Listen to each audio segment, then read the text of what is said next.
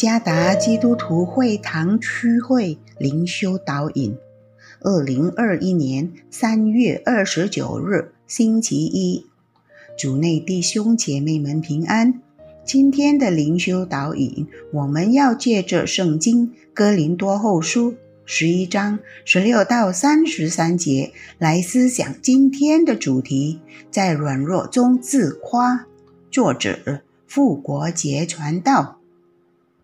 哥林多后书十一章十六到三十三节，我在说，人不可把我看作愚妄的；纵然如此，也要把我当作愚妄人接纳，叫我可以略略自夸。我说的话不是奉主命说的，乃是向愚妄人放胆自夸。既有好些人凭这血气自夸，我也要自夸了。你们既是精明人，就能甘心忍耐愚妄人。假若有人抢你们做奴仆，或侵吞你们，或掳掠你们，或毁慢你们，或打你们的脸，你们都能忍耐他。我说这话是羞辱自己，好像我们从前是软弱的。然而人在何事上勇敢？我说句愚妄话，我也勇敢。他们是希伯来人吗？我也是。他们是以色列人吗？我也是。他们是亚伯拉罕的后裔吗？我也是。他们是基督的仆人吗？我说句狂话，我更是。我比他们多受劳苦，多下监牢，受鞭打是过重的，冒死是屡次有的。被犹太人鞭打五次，每次四十减去一下；被棍打了三次，被石头打了一次。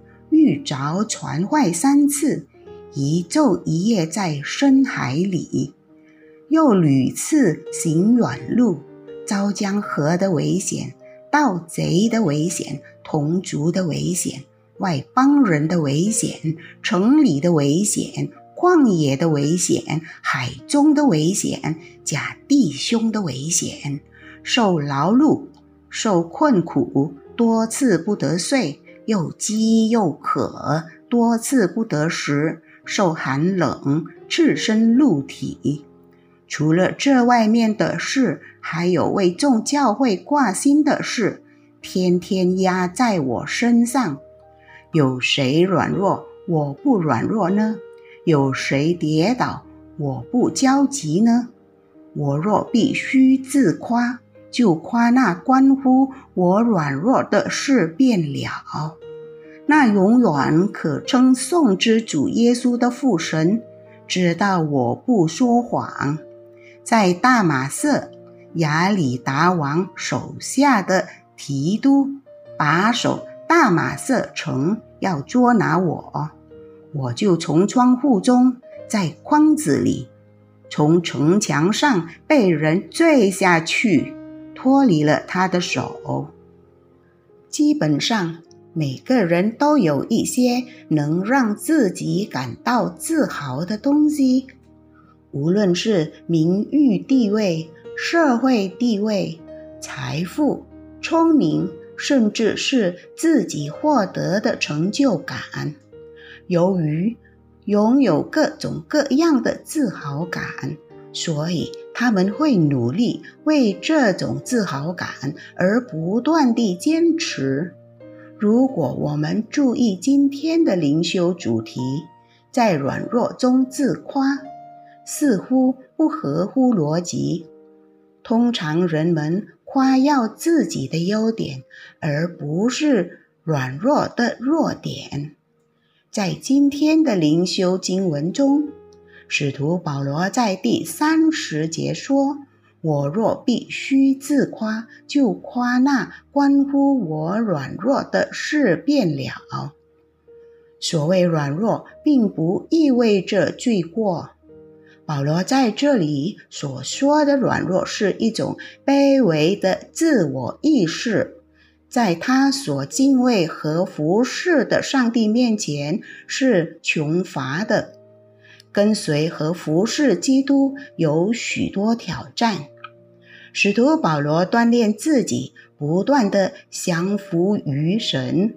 他不再是掌控自己生活的主人，而是主耶稣。他的一生都是为基督而活。他所经历的一切，包括跟随和服侍基督而遭受各种形式的苦难，都进行在完全顺服上帝的生活中。对于使徒保罗而言，他在活出和见证基督的公义中挣扎是值得夸耀的。我们有理由像使徒保罗一样，在软弱中自夸。第一点，在软弱中，使我们体会到神的恩典。恩典是每个信徒，包括我们在内，从上帝在基督耶稣里所接受的东西。那不是我们配得的，而是因为上帝在耶稣基督里无条件地将恩典赐给了我们。当我们软弱的时候，我们晓得确实需要上帝的恩典。我们不能依靠我们的力量和才能。第二点，因为在软弱中，我们学会记住上帝和他的恩典。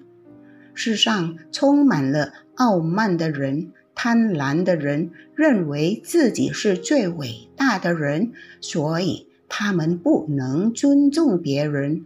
但是，当我们晓得上帝的恩典时，我们将承认，即使我在业务上取得了成功，尽管我在物质上很丰富，但我仍然是一个软弱、容易跌倒的人。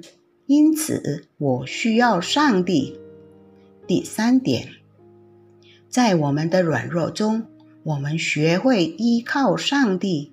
这就是保罗说。因我什么时候软弱，什么时候就刚强了的原因。因为在我们的软弱中，我们依靠上帝，而上帝使我们得以刚强。无论你现在正在跟随基督和他的公义真理时经历了什么，请记住。上帝允许软弱来显示他在你生命中的伟大，在你的软弱中自豪吧，因为上帝在其中塑造你的生命。请别在你的软弱中绝望并离开他，而要兴起，并走在他无限的恩典中。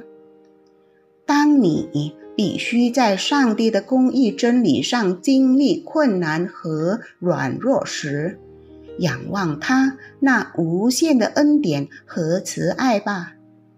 主耶稣赐福。